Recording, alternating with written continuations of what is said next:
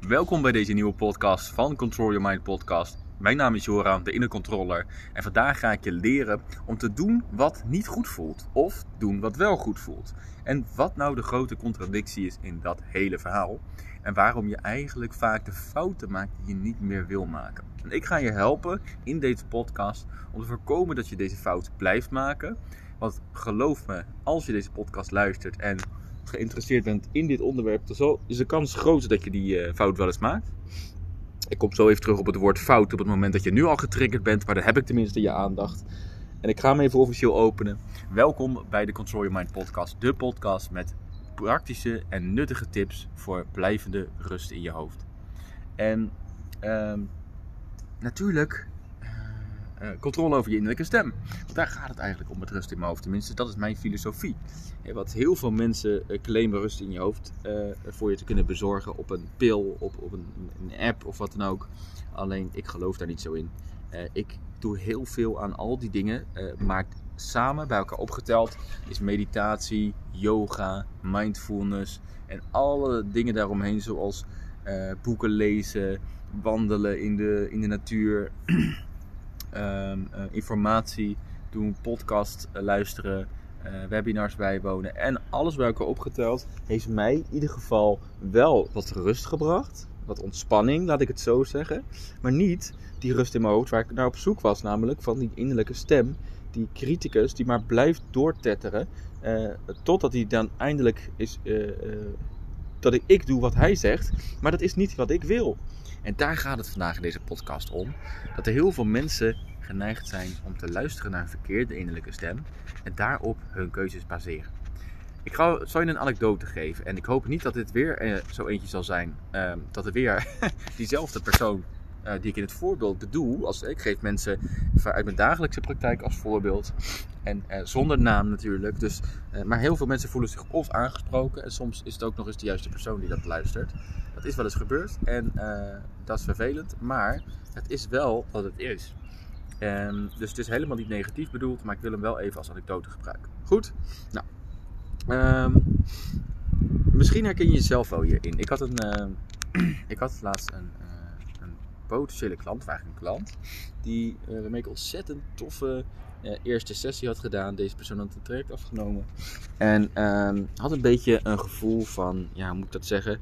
Uh, een, een, gevoel in de onderbuik. dat het, ja, een gevoel van bepaalde spanning, hè, bepaalde. Um, en dat heeft zij dus gelabeld in, in het hoofd. Hè. Haar mind maakte daar dus twijfel van. Maar ik zei haar van, um, blijkbaar heb ik dat ook gezegd en dat doe ik altijd. Dat op het moment dat jij geen gevoel hebt bij het maken van een beslissing, dan neem ik je niet aan. Dan wil ik niet dat je mijn klant wordt. Want ik wil dat je weerstand ervaart bij uh, het worden. Omdat mijn methodes niet de meest uh, conventionele zijn. Ik ga je dingen laten doen die je niet wilt doen, maar die je wel enorm gaan helpen. En ik heb altijd, als ik een klacht heb en ik kom bij de dokter, dan wil ik, als ik dan mag kiezen tussen één prik, waardoor ik er vanaf ben, of zes maanden lang fysiotherapie, nou, doe mij maar die prik. Dat is toch logisch? Die doet wel even pijn, maar je bent er wel veel sneller vanaf. Nou, dat is hoe ik werk. En dat is niet voor iedereen weggelegd, laten we eerlijk zijn. Sommige mensen willen een quick fix zonder dat het pijn doet. Dus die willen dan nog een verdovingsprikje voor het verdovingsprikje. Ja, dat is wat niet helemaal hoe het werkt in de realiteit. Uh, daar zijn natuurlijk wel methoden voor, maar goed, daar gaan we dan een andere podcast wel uh, iets aan besteden.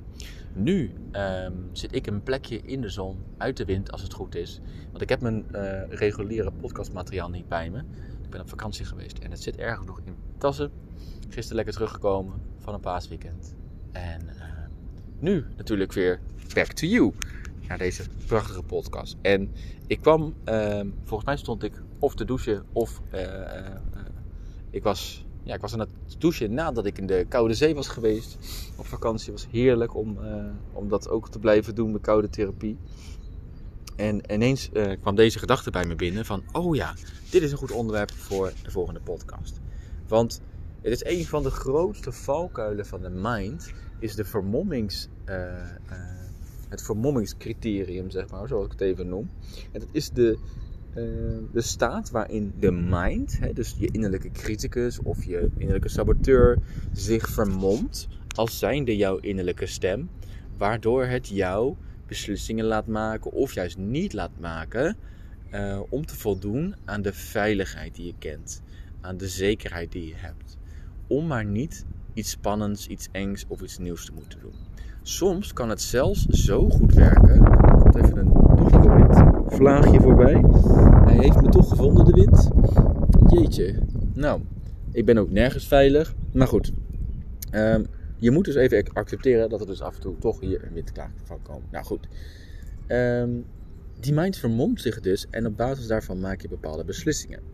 En uh, nu zie je het vaak zelfs dat mensen daar ziek van kunnen worden. Stel je voor, je hebt echt geen zin om uh, ergens naartoe te gaan, maar je bent wel eigenlijk te bang om aan te geven dat, dat, dat je dat niet wil.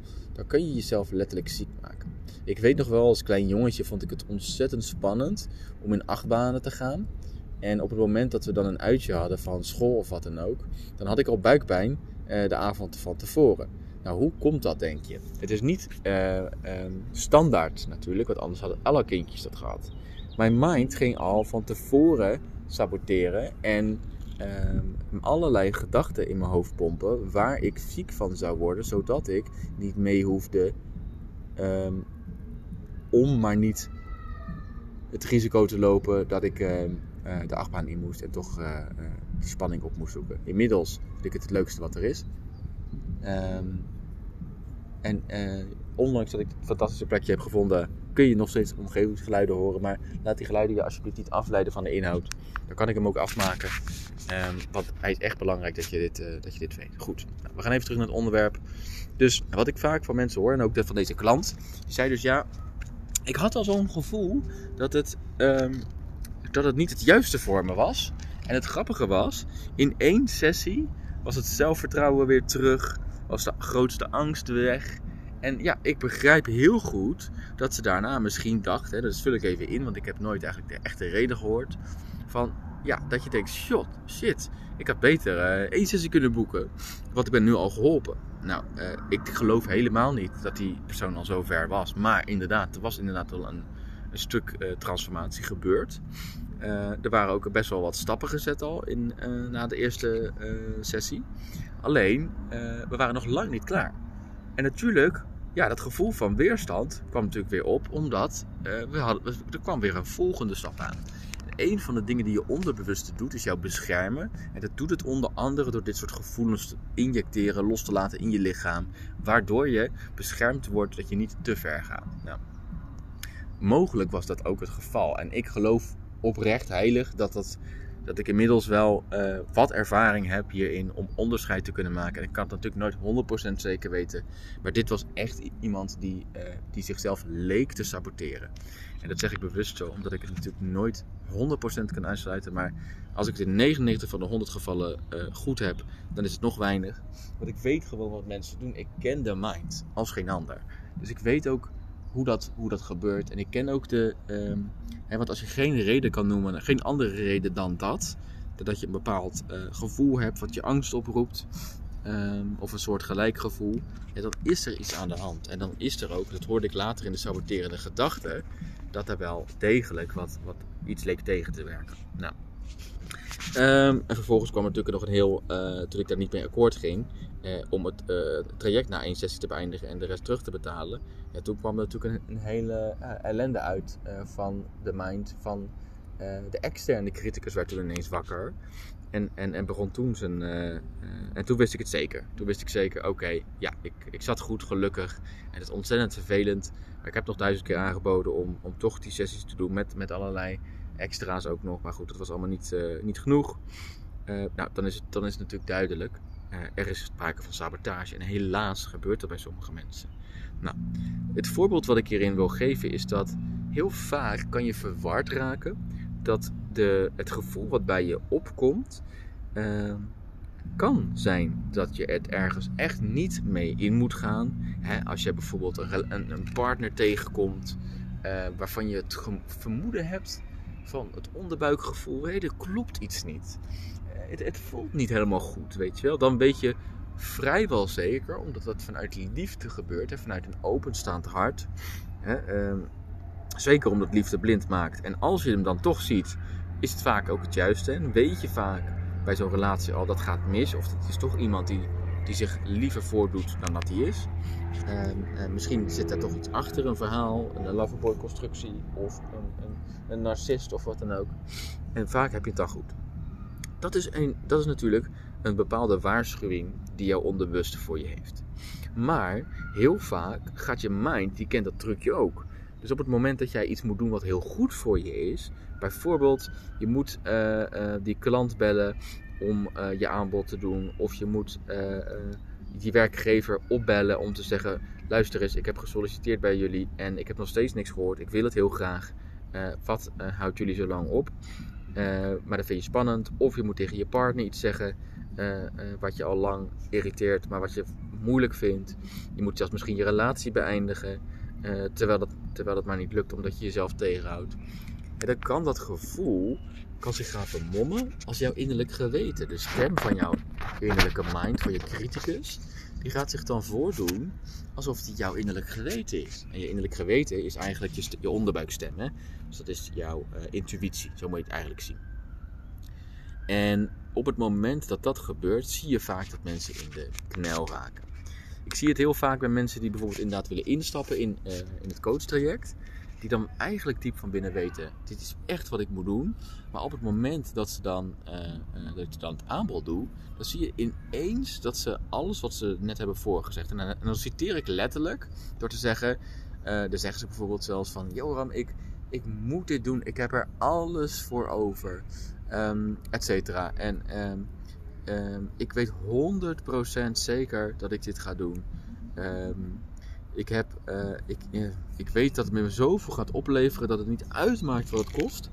Uh, als ik er maar van afkom. En ik zou alles willen laten als ik dit maar zou kunnen doen. Nou, echt, dit, soort, dit zijn geen uitzonderingen. dit is gewoon een doorsnee iemand die, die ik dit hoor zeggen. Maar dan komt natuurlijk de moeilijke beslissing. En dan zitten ze er ineens aan vast. En dan zeg ik ineens, nee, ik, ik, ga niet eens, ik werk in een traject. Want dan weet ik zeker dat je doorzet. En uh, dat je ook als het moeilijk wordt uh, er doorheen gaat. Zodat we echt het resultaat kunnen bereiken. Dat ik het ook kan garanderen. Um, genoeg tijd om je sabotage op te vangen. Etcetera. En uh, dan kunnen we ook je resultaten gaan overtreffen. Je verwachtingen gaan overtreffen. En dat vind ik altijd leuk. Nou, um, als dat dan gebeurt, dan zie je dat mensen eh, omslaan. Dan hoor je een andere stem. Ik hoor een andere stem. Vaak een twijfelachtige stem, een kortere stem. Hè, dus veel korter is, veel enthousiaster en, en weten dat het moet. Of wat er gebeurt, is dat op, als mensen in een goede staat komen, hè, doordat ze bijvoorbeeld in webinars zijn geweest, uh, of, of, of iets van gezien of gehoord hebben, dan zijn ze super enthousiast en dan zijn ze in die staat gekomen, fysiek, mentaal, emotioneel, waarin, ze, waarin even alles mogelijk is. Nou, dat willen ze natuurlijk houden, maar dan maken ze dus een beslissing in dat moment. En mijn advies aan iedereen is om altijd beslissingen te maken vanuit een optimale staat, een optimale state. Hè? Dus dat noem je eigenlijk een flow state. Um, en, en als je die staat hebt, dan is alles mogelijk. Dan zie je ook alles, dan heb je helderheid. Als je dan een beslissing neemt, weet je zeker dat je intuïtie, je hart, alles aligned is. Zelfs vaak je hoofd, dat hij het er ook mee eens is. Die kan ook geen reden meer noemen. Of iets op dat moment uitgeschakeld. Nou, als je op dat moment bent en je maakt een beslissing, dan moet je je daaraan committeren. Natuurlijk, over twee dagen zit je weer in je uh, werk, in je huidige werk, met je huidige partner, met je kinderen en et cetera en alles erbij. En word je natuurlijk weer aan het twijfelen gebracht door die innerlijke stem. Die denkt, shit, maar we gaan wel veranderen en dat wil ik niet. Dus ik ga je een aantal uh, ideeën naar binnen stoppen, gedachten lanceren, die jou wel eens op andere gedachten kunnen brengen, zodat je het misschien toch kan annuleren. Nou, en dat is ook wat vaak kan gebeuren in zo'n situatie. Mensen dan zeggen, ja, ik zie er toch van af. En dan hebben ze altijd wel een reden bedacht, of in ieder geval de mind heeft het gedaan, um, waarvoor, waarvan het van hun wel zou moeten gelden. Um, en dat het echt geen sabotage is. Nee hoor, uh, maar er dakkapel moet er komen. Of uh, de vakantie uh, is toch ineens geboekt. Um, en dat zijn echt vaak redenen dat je bij jezelf denkt: jeetje, echt waar, ga je hier voor je eigen ontwikkeling, je eigen toekomst. En alles wat je zei, dat je het je kinderen gunde, dat je een betere ouder zou worden. Um, Dat je een betere partner wilde zijn. Dat je eindelijk wel die droombaan achterna wilde gaan. En dat je de volgende, ehm, eh, hoe heet dat? Promotie niet nog een keer wil mislopen. Dus dat je echt deze keer, uh, dat je ervoor gaat. Uh, wat je er ook voor moet doen. Of dat je deze keer echt het geld aan iemand vraagt. Omdat je het jezelf gunt. Om het te lenen. in plaats van dat je leent voor een leaseauto die je eigenlijk niet kan betalen. Of dat je misschien zelfs bereid bent om je leaseauto van de hand te doen om dit mogelijk te maken. Maar ineens kan het niet meer. De mind is toegeslagen. Je herkent misschien ook de, de, momenten waarop je hele goede eh, ideeën krijgt. Waarop je bijvoorbeeld voor een bepaalde keuze staat, waar je al een tijdje voor staat. En ineens krijg je een helder moment. Ineens lijkt het alsof iets van boven op je neerdaalt. En zo is dat bijvoorbeeld bij mij met de naam Inner Control gebeurd. Dat ik echt uh, had gevraagd, ik wil graag de naam ontdekken van mijn uh, bedrijf. En uh, even later kwam het letterlijk uit de lucht vallen. Uh, daarmee bedoel ik dat het zo voelde, dat het zo in mijn hoofd werd losgelaten. Alsof iemand zei, alsjeblieft, hier is die. Dat zijn van die heldere momenten dat je weet, oké, ik weet dat ik dit te doen heb. En toen was alles ook geoptimaliseerd in de flow. Um, en dat is een gevolg geweest van moeilijke, pijnlijke beslissingen. Zoals het opzeggen van mijn baan, het uh, breken met, van mijn relatie, scheiden, op mezelf gaan wonen. Met alle gevolgen van dien. Uh, um, uh, in dat proces van scheiden, mensen die het hebben meegemaakt met kinderen weten dat dat uitdagend kan zijn. En, en, maar als je er eenmaal doorheen bent, dat je gaat vliegen als nooit tevoren. Dat je dan weer vrij bent, gelukkig bent. En dat alles, uh, alle pijn die je daarvoor hebt moeten doen, dat het het waard uh, is geweest. Maar reken maar dat mijn stem, dat mijn innerlijke stem, voordat ik de relatie verbrak, voordat ik mijn werk opzij, opzegde, ehm, aanging en zei, net alsof deed, alsof hij mijn innerlijke geweten was en zei tegen me, weet je Joram, misschien is het toch wel oké okay zo. Hè? het gras is niet altijd groener aan de overkant. En, en dat soort, letterlijk dat soort gedachten, um, kunnen je verleiden. Kunnen je verleiden om de beslissing die je te nemen hebt niet te maken. En jou weer aan het lijntje te gaan houden. Nou, wat ik heb geleerd is het volgende. Ik ga je een. Net als dat ik het eigenlijk bij, bij de vorige podcast heb gedaan. Ga ik je iets uh, meegeven. En ik weet dat er stemmen inmiddels op de achtergrond zijn. Um, die moet je maar even vergeten. Die doen niet mee. Zo is er ook altijd een stem op je eigen achtergrond aanwezig. En uh, dat hebben we nu eenmaal mee te dealen. Goed, want het is of die keiharde wind, of af en toe een, uh, een roep hier vanuit een. Ik denk dat het een bijzonder tehuis is voor bijzondere mensen. Want het zijn toch, ja, laat ik zeggen, mensen met afwijkend gedrag ten opzichte van de normgemiddelde. Zeg dan even netjes. Ik heb namelijk geen idee welke naam je dat tegenwoordig weer mag wel of niet mag geven. Dus voordat er weer een of andere activist op staat, uh, heb ik hem even zo getackeld hopelijk. Maar je snapt uh, dat het een, een, een, huis is waar meerdere mensen wonen uh, die een beetje op elkaar lijken. Goed. En er is natuurlijk niks mis mee. Uh, wat wilde ik eigenlijk zeggen? Die, ja, die vermomming die dat, die dat dus heeft gedaan bij mijzelf ook, waardoor ik vaak verkeerde, te late beslissingen heb genomen.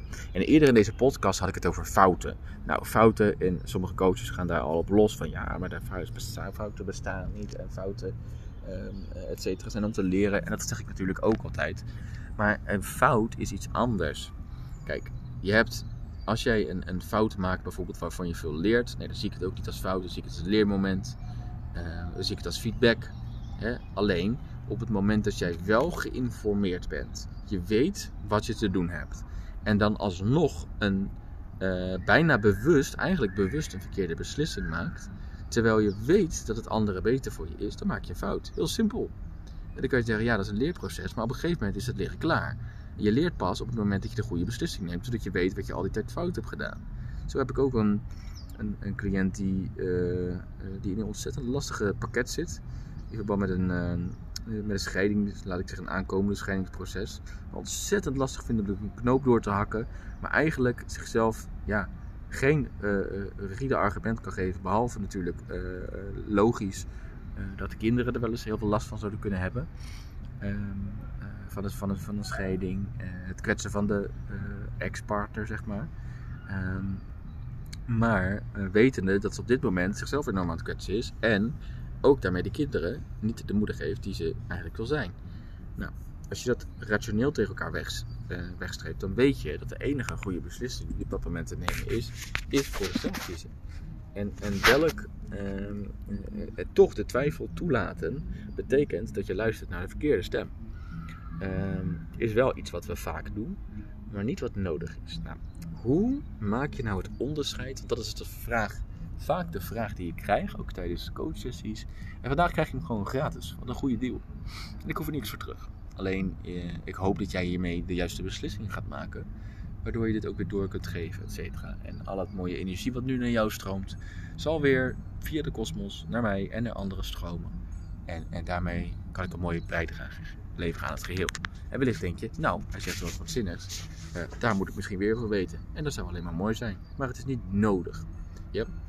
Ik deel het gratis met je. Oké, schrijf deze op. Pak je pen en papier erbij. En weet, als er emotie is. En daar bedoel ik mee, als ik het woord emotie gebruik. Uh, in dit geval negatieve emotie. Dus emotie, ongewenste emotie. want anders krijg je weer de discussie. Je mag niet zeggen dat het negatief is, want uh, alle emoties zijn neutraal, dat weet ik ook wel. Uh, maar het gaat even om de spraak. Dus alle, als, als er emotie in het spel is, spreekt niet je innerlijke wijsheid, maar altijd je mind. Ja? Eigenlijk is het voelen van emotie een gevolg van het aanhoren uh, van jou, uh, je mind. Vaak je criticus. Vaak iets, iemand die bang is dat jij bepaalde keuzes maakt. Die bang is dat je afgewezen wordt. Um, of die bang is om zekerheid te verliezen, om weer in de steek gelaten te worden. Bang om alleen over te blijven. Um, bang om, om de ander pijn te doen. En daarna, want het gaat nooit om, we zijn niet bang om de ander pijn te doen. Dat is onzin. Uh, dat is misschien ook nog een leuk onderwerp voor een andere podcast. Maar je bent bang dat het pijn doen van de ander resulteert in negatieve consequenties voor jou. We zijn allemaal egoïsten. En uh, dan kan je wel zeggen, dat is niet zo, maar het is wel zo. Dus daar kunnen we heel uh, wel eens niet een spelletje van doen. En als je denkt toch dat het voor jou niet geldt, nou geef me dan maar eens aan. Op het moment dat je zegt, ik wil echt iemand helpen vanuit mezelf. Tuurlijk komt dat af en toe voor. Maar je doet het altijd om jezelf uh, een plezier te doen. Want blijkbaar wil jij dat ook. Of heb je stiekem toch het idee van, nou ja, ik help diegene, want ik zou het ook fijn vinden als die ander mij helpt. Ja, goed. Eigenlijk doe je dus altijd iets voor jezelf. Alleen, we zien dat niet altijd zo. En daarmee uh, moet je ook goed afvragen op het moment dat er emotie is in het spel. Dus als jij merkt dat er angst is, als je merkt dat er weerstand is, dan is er bijna altijd sprake van de inmenging van je mind. Vaak uh, het, het makkelijke is, en dat is als je het gewoon rationeel bekijkt, is het eigenlijk altijd heel makkelijk. Ja, wat, is de, uh, wat zijn de consequenties van de eerste keuze en wat van de tweede keuze? Soms is de tweede keuze niks doen en de andere is wel doen. Wel in dat programma stappen, niet in dat programma stappen. Uh, wel scheiden, niet scheiden. Wel de relatie aangaan en beginnen en diegene vragen om je partner te worden of niet. Het is altijd, uh, je hebt altijd een keuze. Ja, dat is ook iets wat ik geloof. Uh, soms wordt die keuze voor jou gemaakt omdat jij veel te lang had gewacht met het maken van de keuze. Als jij niet kiest om te gaan sporten en je gezondheid te veranderen, dan gaat het leven die keuze afdwingen door uh, een, je blinde darm klapt en je ligt in het ziekenhuis en de dokter zegt van nou, je bent met de schrikkerij uh, gekomen. ik zou misschien maar eens wat aan je, aan je leefstijl gaan doen. Nou. En op dat moment schakelt er iets in je hoofd om en weet je, shit, dit was mijn laatste waarschuwing, ik moet nu aan de slag. Ja? Um, zo zit het natuurlijk ook met, met de kleine dingen waar je nog niet zo'n wake-up call voor hebt gehad. En heel veel mensen wachten helaas tot het moment is dat ze echt niet anders meer kunnen.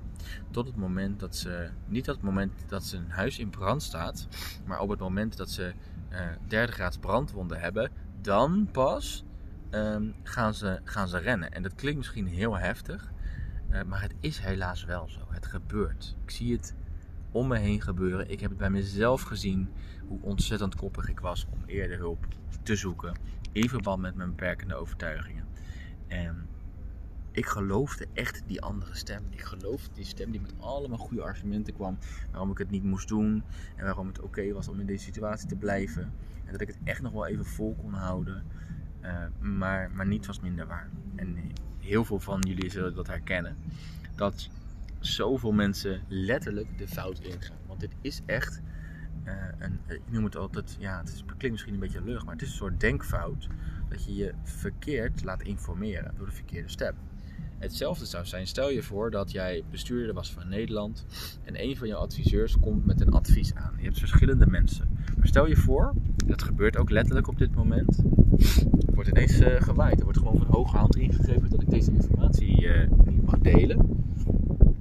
Dat is wel heel heftig dit, hè? Nou, nou verder ben, voor de rest ben ik geen conspiracy theorist hoor, maar het is wel heel toevallig. Nou, ik wacht even tot het windje voorbij is. Ik hoop dat hij zo wel te horen is. stel je voor dat, uh, dat je. Laat, laat, ik het dan in stel je voor houden. Hè? Dan ga ik er geen uh, oordeel aan verbinden of wat dan ook. Dat, dat jij uh, minister-president bent en je hebt een aantal ministers die jou informeren. Nou, stel je voor dat je zelf die ministers kiest en je ook nog eens ehm, alleen maar naar zeg maar, een eenzijdige bron van informatie zou luisteren. Um, die gebaseerd is vanuit angst. Die gebaseerd is vanuit tekorten denken, vanuit wat er mis kan gaan, vanuit risicobeperking um, en vanuit een soort angst voor dood, angst voor armoede, angst voor wat dan ook. Ja? Angst voor ziekte, het zijn allemaal basisangsten. Dus als je vanuit daar zou redeneren, zou je het land anders besturen dan dat je het uh, land bestuurt vanuit overvloeddenkwijze. Vanuit um, bijvoorbeeld het, het, het idee dat, dat je bijvoorbeeld eerst voor zorgt dat alles op orde is, dat de basis op orde is, voordat je, uh, uh, laat ik zeggen, instapt in allerlei trajecten waarvan je heel de uitkomst niet weet. Of de bevolking allerlei maatregelen oplegt. Nou, en als je dus naar eenzijdig naar die uh, mensen luistert, dan is dat een fout. En daar word je dus op afgerekend. Tenminste, in een normale uh, maatschappij zou je daarop worden afgerekend. Uh, in, in, Nederland kan heel veel op het moment dat je op die positie zit. Maar zelf werkt dat niet zo. Zelf heb je niemand, geen engeltjes die het hand boven het hoofd houden. Als jij de verkeerde beslissing neemt, ik zeg maar even, bijvoorbeeld je hebt een aanbod gehad om in een training in te stappen wat heel goed voor jou is. En je weet dat je het moet doen, maar je hebt toch op het laatste moment eruit gegaan. En, en het gevolg daarvan is dat je je relatie zo ver achteruit gaat dat je hem verbreekt. Dat je dus niet met degene samen kan blijven waar je graag mee oud had willen worden. Dat je kinderen op een gegeven moment zoiets hebben van nou ik uh, heb niks aan, een depressieve moeder. Uh, dus uh, ik ga maar bij papa wonen. En op die manier er allerlei dingen gebeuren waardoor je jezelf uiteindelijk terecht kan afrekenen. Aan, hoe zeg je dat nou? kan aanrekenen dat je, dat, dat je die beslissing hebt genomen. En ik zie het gewoon te veel gebeuren. En daarom is het zo belangrijk dat je niet altijd moet doen wat niet goed voelt. Dat is eigenlijk wat ik, de grote boodschap die ik met deze podcast aan je wil overbrengen. Want zoveel mensen gaan die fout in. En nogmaals, er is maar één probleem en dat is uh, het volgen van de stem in je hoofd. En er is ook maar één fout en dat is op basis van het aanhoren van die stem ook nog eens meegaan met die stem. En omdat ik je nu heb geleerd hoe je het onderscheid kan maken, is namelijk: heb jij vanuit. Uh, het is anders. Ik gaf je net het voorbeeld over die relatie. En dan kan je zeggen: ja, maar dat is toch ook angst? Nee, dat is geen angst. Dat is een, dat is een, uh, een, een alwetendheid. Uh, van hé, hey, dit voelt niet goed. Deze persoon, daar is iets mis mee. Daar ga ik niet uh, mee in zee. Dat is niet vanuit angst geredeneerd. Hè? Als het vanuit angst is, dan zou je nog je vraag kunnen afstellen van nou, zou het kunnen zijn dat ik deze persoon, dat deze persoon bijvoorbeeld, zeg maar even wat, mij niet genoeg liefde gaat geven zoals ik nodig heb. Of dat hij zo independent is dat het mij wel eens in mijn dependence, in mijn codependency kan gaan raken. Um, dan is het een heel ander verhaal. dan heb je weer te maken met je mind. Maar op het moment dat dat echt een, een, een dat je zoiets hebt van nou, uh, dat is best leuk, maar het, voelt gewoon niet goed, dan ga ik het niet doen ook. En dan kun je dat ook vaak gewoon zeggen. Dan heb je, je er niet zoveel angst bij. Nou, en zo is het met veel beslissingen dat je goed voel, uh, te voelen hebt. Uh, welke emotie zit eronder? En dit geldt in, in, in, laat ik zeggen, 95 van 100 gevallen. En er zijn altijd uitzonderingen, dat weet ik. Maar daarvoor zou je bijvoorbeeld bepaalde technieken kunnen doen om in contact te komen met je intuïtie. Um, waardoor je uh, antwoorden krijgt die, uh, die jou verder helpen, in plaats van de antwoorden die jou beperken. En ehm, ik ben even aan het denken van hoe je dat, hoe je dat kunt leren onderscheiden. Nou,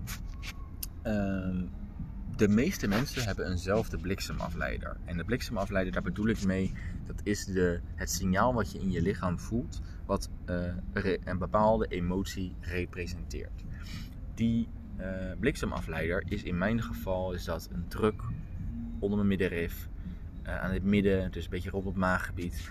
En dat is een bepaalde druk die ik voel van opgejaagd zijn, dan weet ik, ik ben niet goed bezig. Deze, ik ben over mijn grens aan het gaan of ik heb iets te veel gedaan.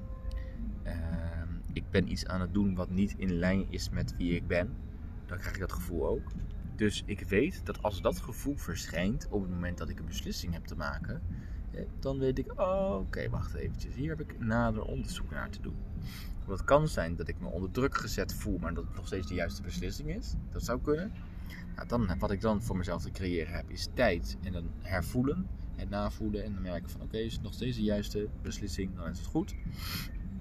En uh, in Nederland heb je nooit uh, een probleem daarmee, want je kan namelijk gewoon elke beslissing, geloof ik, binnen twee weken terugdraaien Tenzij je natuurlijk nieuwe contactlenzen in je ogen stopt. Of oordopjes bestelt die je in je oren plucht. Of andere dingen die je in je lichaam stopt die niet, niet zo fris zijn om terug te brengen. Um, dan geldt dat niet. Maar bij de meeste dingen wel. Zolang je het zegeltje niet verbreekt. Um, dus kun je gewoon vrij eigenlijk besluiten. Dit is goed voor mij. En, en, en mocht je er dan inderdaad drie nachten van wakker liggen. Ja, dan is het handig om even te te checken van wat gebeurt hier nou. Maar dan zou ik nog steeds diegene opbellen en zeggen van... hey, dit gebeurt er met mij. Wil je eens met me kijken wat er aan de hand is? Uh, of het nou verstandig is om in je programma te stappen of niet. Dan krijg je vaak nog een gratis coachsessie ook. Dus, uh, maar heel veel mensen gaat, zijn dan al aan het luisteren naar die innerlijke stem. En uh, besluiten vervolgens van oké, ik ga daar maar in, in verder. Nou, ik had je net gezegd dat het belangrijk is om besluiten te nemen in een goede staat. In een in een flow state. Nu is het ook andersom heel belangrijk dat je sommige beslissingen die je, uh, die je maakt, hebben namelijk permanente gevolgen. Als jij een relatie verbreekt, is dat meestal permanent. Ja? Dus uh, stel je nou voor dat je een keer een ruzie hebt gehad, of de persoon heeft iets onaardig gezegd, gedaan, of je hebt gehoord dat die persoon vreemd is gegaan, of weet ik veel wat, of iets te innig met zijn collega uh, stond op een bepaald feestje, dat je denkt: oké, ik ben boos, ik ga meteen een relatie verbreken. Ja, dan maak je een permanente beslissing op een tijdelijke emotie, gebaseerd op een tijdelijke emotie. Dat is wat je nooit wil doen. Oké? Wat je altijd wil doen is de beslissing nemen op het moment dat de emotie jouw gemoedstoestand eigenlijk heeft verlaten. Net zoals dat het belangrijk is als je jezelf committed wilt houden, dat je wacht. Uh, en dat, dat, dat commitment puur te maken heeft met doen wat je met jezelf hebt afgesproken, lang nadat de gemoedstoestand je lichaam heeft verlaten, waarin je hebt besloten. Ja? Zo is het ook dat je, die was trouwens heel snel, snap ik, die moet je even opnieuw afspelen, uh, uh, versneld. Of verlang, hoe zeg je dat, vertraagd. Maar ik heb hem al in een andere podcast gezet. Dus vandaar dat ik hem nu niet nog een aantal keer herhaal. Um, en dit is ook niet het onderwerp van deze podcast. We gaan het nu hebben over de beslissingen die je neemt op basis van dat gevoel van binnen. Um, dus, dus wat je te doen hebt is um, je emotie die je voelt, die moet je uh, nooit verwarren met gevoel. En je kunt namelijk voelen van binnen, namelijk in je hart en in je buik, uh, kun je voelen of iets goed voor jou is. Heel vaak in je onderbuik heb je dat gevoel. Maar soms ook in je hart of in andere delen van je lichaam. In mijn geval is het een strelend gevoel over mijn rug. Een heel lichtelijk, uh, lekker, tintelend kippenvelgevoel. Als ik weet dat iets een ja is. Als ik weet dat ik, iets een nee is, dan krijg ik een drukkende sluier over me heen. Die wat warmer is. Warmer aanvoelt. Uh, waarbij ik het gevoel heb van nee, nee, ik wil weg. Uh, dat is voor mij een hele duidelijke nee. Zo test ik ook altijd of iets klopt of niet. Um, op het moment dat ik iets voel, geloof of denk. Ehm, het is voor jou heel belangrijk om die signalen met jezelf te gaan afspreken. Zodat je altijd kunt luisteren en het ook goed opschrijft voor jezelf. Van dit, dit gevoel betekent dit, dit gevoel betekent dat en het laatste gevoel betekent zus. En als je dat weet, dan kun je ook op het moment dat ze dus uh, uh, op zo'n beslissingsmogelijkheid staat, voelen, wat, wat is dit gevoel? hey, dit, dit past bij mijn nee, dit past bij mijn ja, dit past bij een uh, ja mits of ja tenzij. Um, en dan is het ineens veel makkelijker om beslissingen te nemen.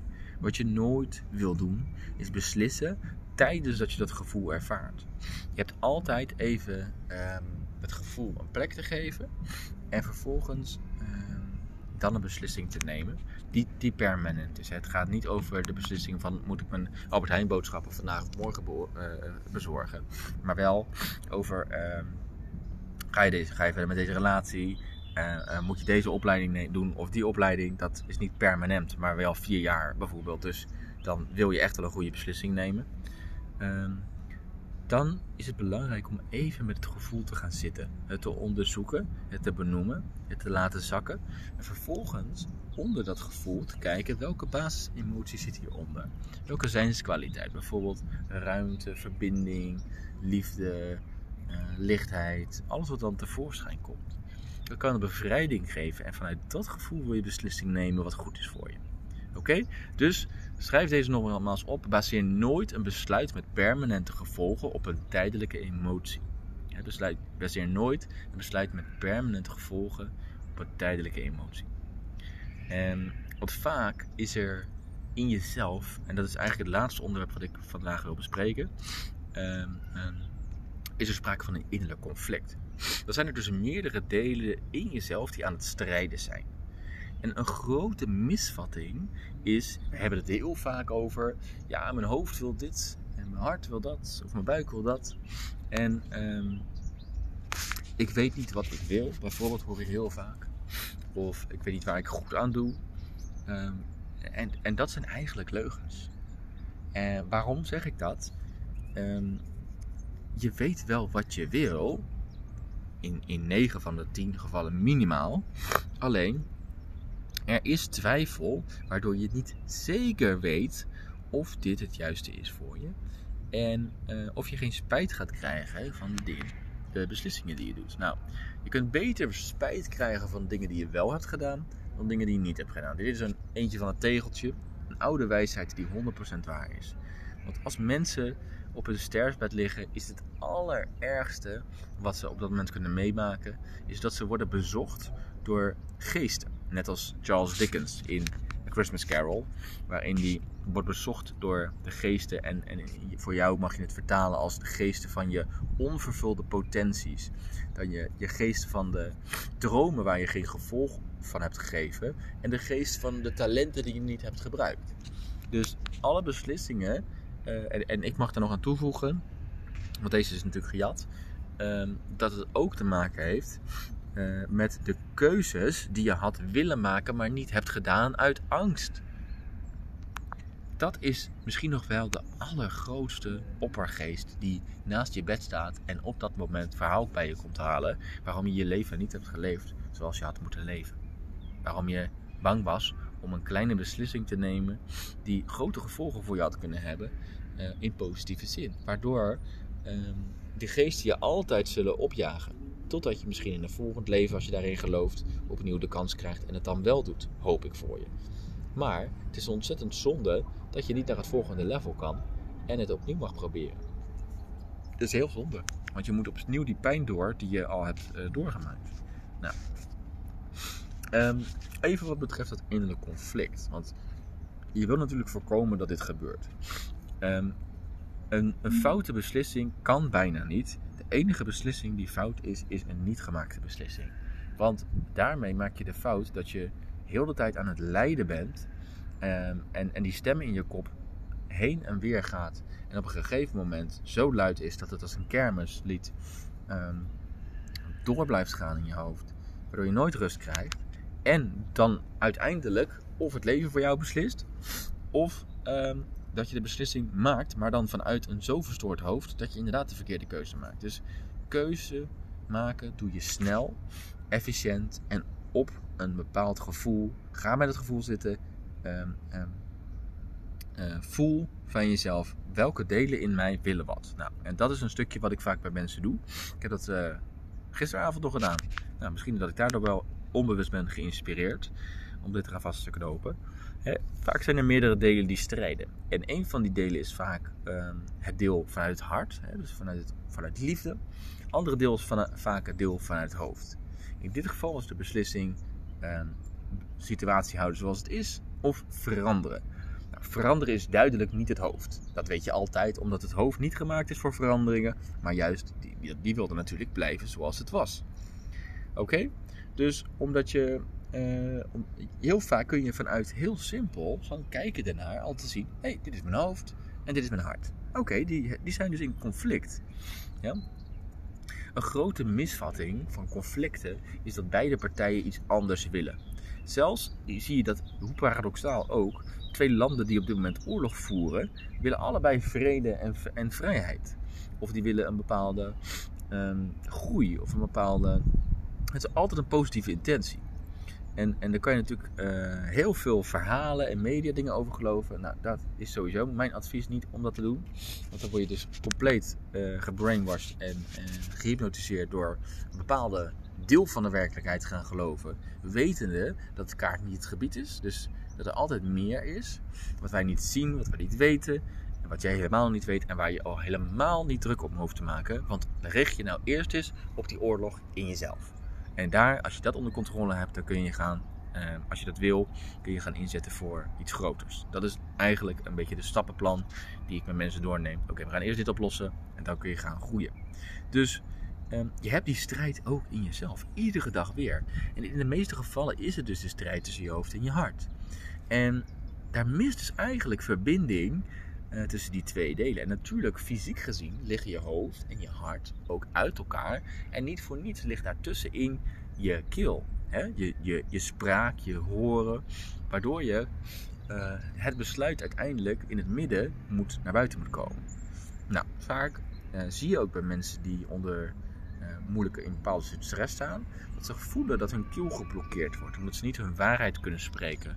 Op het moment dat de waarheid uit het hart naar boven komt, wordt het vanuit boven eigenlijk uh, bekneld voordat het naar buiten mag komen. En hebben ze het gevoel dat ze uh, een hand op hun keel hebben. En dat zie ik eigenlijk bij iedereen wel een keer voorbij komen die, die in het coachtraject zit. En daar zit ook vaak de oplossing. Op het moment dat je weer het kan laten stromen. En in sommige stromingen noemen ze dat keelchakra die dan geblokkeerd is. Het heeft vaak te maken met dat de liefdesenergie uit het hart niet naar boven kan stromen. Eh, richting eh, eh, keel, maar vooral ook richting de innerlijke wijsheid. Dus het punt tussen je ogen. Ehm, eh, van eigenlijk het zesde zintuig.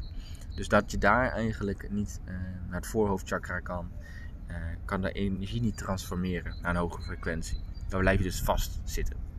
Nou, even dan dat zijstapje gemaakt.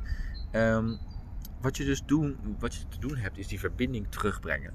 Door op gevoelsniveau eigenlijk te reconnecten, zo moet je het eigenlijk zien. En dan ontdek je, als je dat doet, dat beide delen, je hoofd, je hart, eigenlijk in veelal dezelfde, uh, in veelal alle gevallen dezelfde hogere positieve intentie dienen. En vaak, uh, gisteren had ik het met uh, vrijheid. En uh, eigenlijk, zowel de keuze die ging voor blijven zoals het was, die wilde uiteindelijk ook een bepaalde vorm van vrijheid creëren. Want het gaf natuurlijk een bepaalde vrijheid om zekerheid te hebben. Namelijk vrijheid om um, hè, met de kinderen makkelijk dingen te kunnen doen. Vrijheid om in huis te doen wat je wilt. Is vertrouwd. Maar het miste een ander aspect van vrijheid en die was ingenomen door het hart. Namelijk het gevoel van ik ben vrij om mijzelf te zijn. Om geaccepteerd te worden zoals ik ben. Om liefde te krijgen zoals ik uh, graag zou willen. En als je dus in staat bent om die delen weer samen te kunnen brengen, dan kunnen ze weer samenwerken.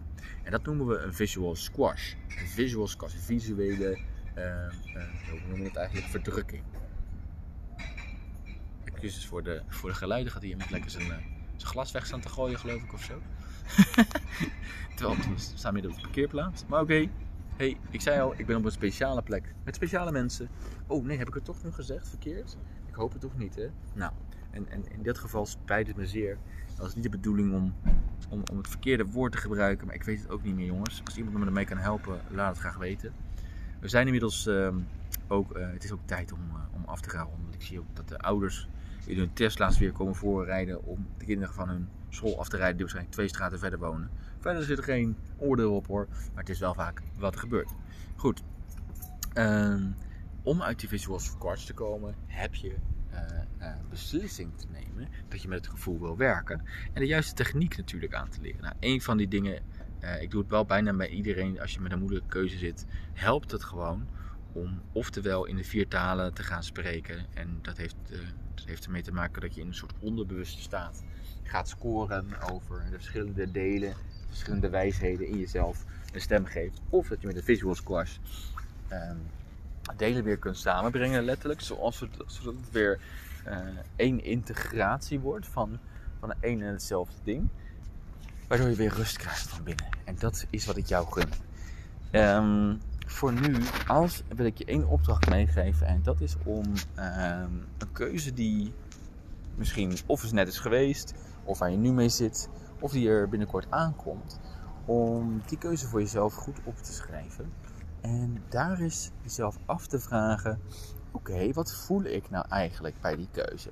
Is er emotie bij? Ja of nee? En welke emotie is dat dan? Hoe zou ik dit, deze emotie kunnen omschrijven?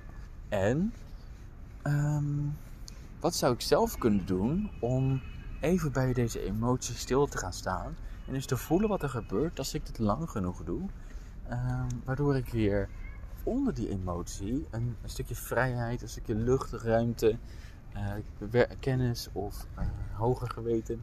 Alles wat eruit los kan komen, wat eruit kan ontstaan, dat het naar boven kan komen. Zodat je besluit vervolgens vanuit een innerlijke vorm van rust. En als je dat nodig hebt, help ik je er graag bij. Neem dan contact op, natuurlijk via innercontrol.nl. Kijk dan bij coaching en vraag een gratis adviesgesprek aan. Een gratis uh, um, back control sessie. Waarin ik je help met je allergrootste probleem, wat vaak je hoofd is. Um, eigenlijk help ik je daar alleen maar mee. Maar goed, uh, het gevolg daarvan, van een goed werkend hoofd en van rust in je hoofd, is dat je heel veel van die andere, andere ik noem ze een beetje gevolgpijnen, zoals chronische pijn, zoals uh, uh, onzekerheid, et dat dat uiteindelijk vanzelf weggaat. Nou, en dat is natuurlijk heel mooi als je je kan focussen op slechts één probleem. In plaats van dat je met alles bezig bent. Waardoor je eigenlijk geen genoeg progressie boekt. Dat is wat ik voor je kan betekenen. En zeker als je merkt dat deze podcast je iets bij heeft gebracht, vind ik het leuk als je een 5-star rating geeft. Um, aan het begin van de podcast. Of als je, en, en of natuurlijk, als je hem wilt delen via je socials. En een aanbeveling wilt doen aan de rest van de wereld. Zodat ze ook weten um, hoe waardevol het is wat jij ervan hebt geleerd. En ik hoor ook graag van jou persoonlijk Um, hoe het voor je is geweest. Dus maak me niet uit, maar contact me. En um, dan uh, hoop ik dat ik je weer een stukje verder heb gebracht in deze podcast. Hey, dankjewel voor het luisteren. En tot de volgende keer weer. Bye bye.